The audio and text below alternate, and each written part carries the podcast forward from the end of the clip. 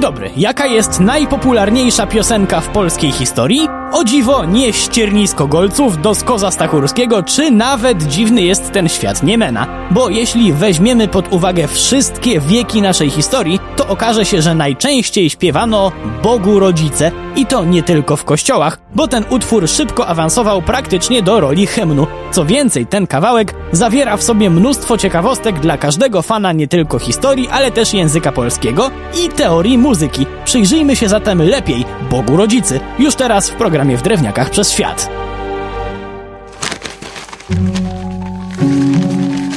Dobrze byłoby zacząć opowieść o tym bezdyskusyjnym dziele od podania, kiedy powstało. No tutaj nie mam dobrych wieści, nie do końca wiadomo. Jakiś czas temu znawcy tematu byli ostrożniejsi i twierdzili, że Bogu Rodzica powstała między pierwszą połową XII a końcówką XIV wieku. Dzisiaj jednak przyjmuje się, że kawałek ten napisano w drugiej połowie wieku XIII.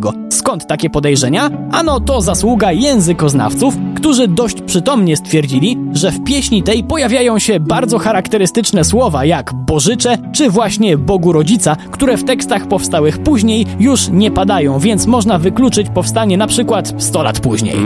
Jednak powstanie to jedno, a zapis to drugie. Najstarszy jaki znamy to tak zwany egzemplarz kcyński i krakowski z 1408 roku. Czemu nie mogłem wspomnieć tylko o jednym? Bo ciężko się zdecydować, który jest ważniejszy. Niby krakowski ma aż 13 zwrotek, ale co z tego, skoro nie mielibyśmy pojęcia na jaką melodię je śpiewać. I tutaj z pomocą przychodzi egzemplarz kcyński, który może i ma tylko dwie zwrotki, ale za to posiada bezcenny dla nas zapis nutowy. Jedno i drugie z czasem się zmieniało. Liczba zwrotek urosła w drugiej połowie XV wieku do 19. Do zmian w muzyce jeszcze przejdziemy, ale skoro już poruszyliśmy temat tekstu pieśni, to wypada się zastanowić, kto go stworzył. Pewności nie ma, ale wbrew temu, co kiedyś uznawano niemal za pewnik, prawie na bank Bogu Rodzicy nie napisał święty Wojciech. Jednak na podstawie tekstu możemy kilka kwestii założyć. Najpewniej autor był pochodzącym z naszych ziem duchownym, obdarzonym poetyckim doświadczeniem i talentem. Już tłumaczę skąd te śmiałe założenia.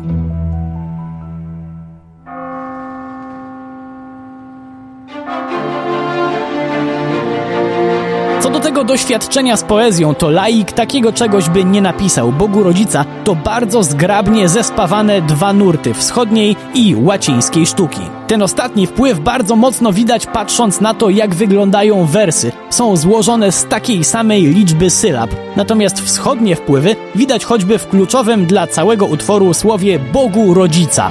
To jest dość potężna kalka z greckiego Theotokos, czyli Matka Boga. W naszej wersji Bogu Rodzica zostało ukute w języku starocerkiewnosłowiańskim i przywędrowało na polskie ziemie, najpewniej z Czech, razem z pierwszymi duchownymi. Jednak nasz najpopularniejszy kawałek ma też mnóstwo językowych perełek typu Bogiem Sławiena Maryja czy Rajski Przebyt, które jasno wskazują na to, że utwór ten musiał oryginalnie powstać w naszym języku i nie ma mowy o tym, że to jakieś tłumaczenie.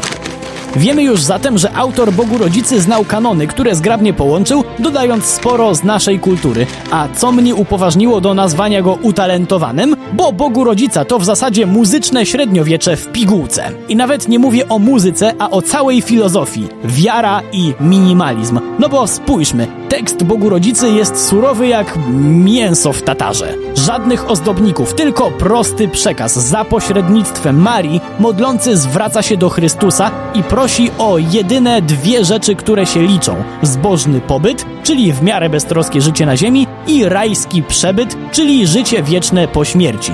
Postaci? Matka Boska, Syn Boży i jeszcze Jan Chrzciciel, a zatem same prawdy teologiczne prosto z mostu, żadnych udziwnień. Gdzie więc talent? Myślę, że wielu twórców potwierdzi, że często trudniej jest napisać coś prostego a chwytliwego w przekazie niż przekombinowanego.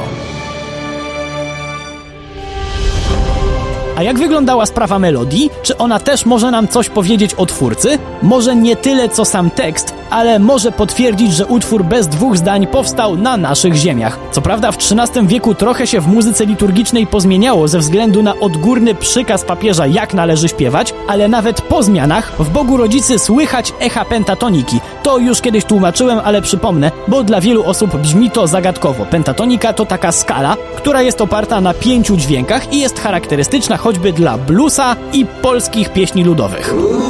Nawet kościelna reforma muzyczna nie wymazała więc z Bogu Rodzicy typowych dla naszych stron muzycznych patentów, jakie można słyszeć choćby w pogańskiej pieśni o chmielu. Zatem bez dwóch zdań Bogu Rodzica powstała u nas. I dobrze, bo słabo by było, gdyby obcy utwór stał się naszym pierwszym hymnem.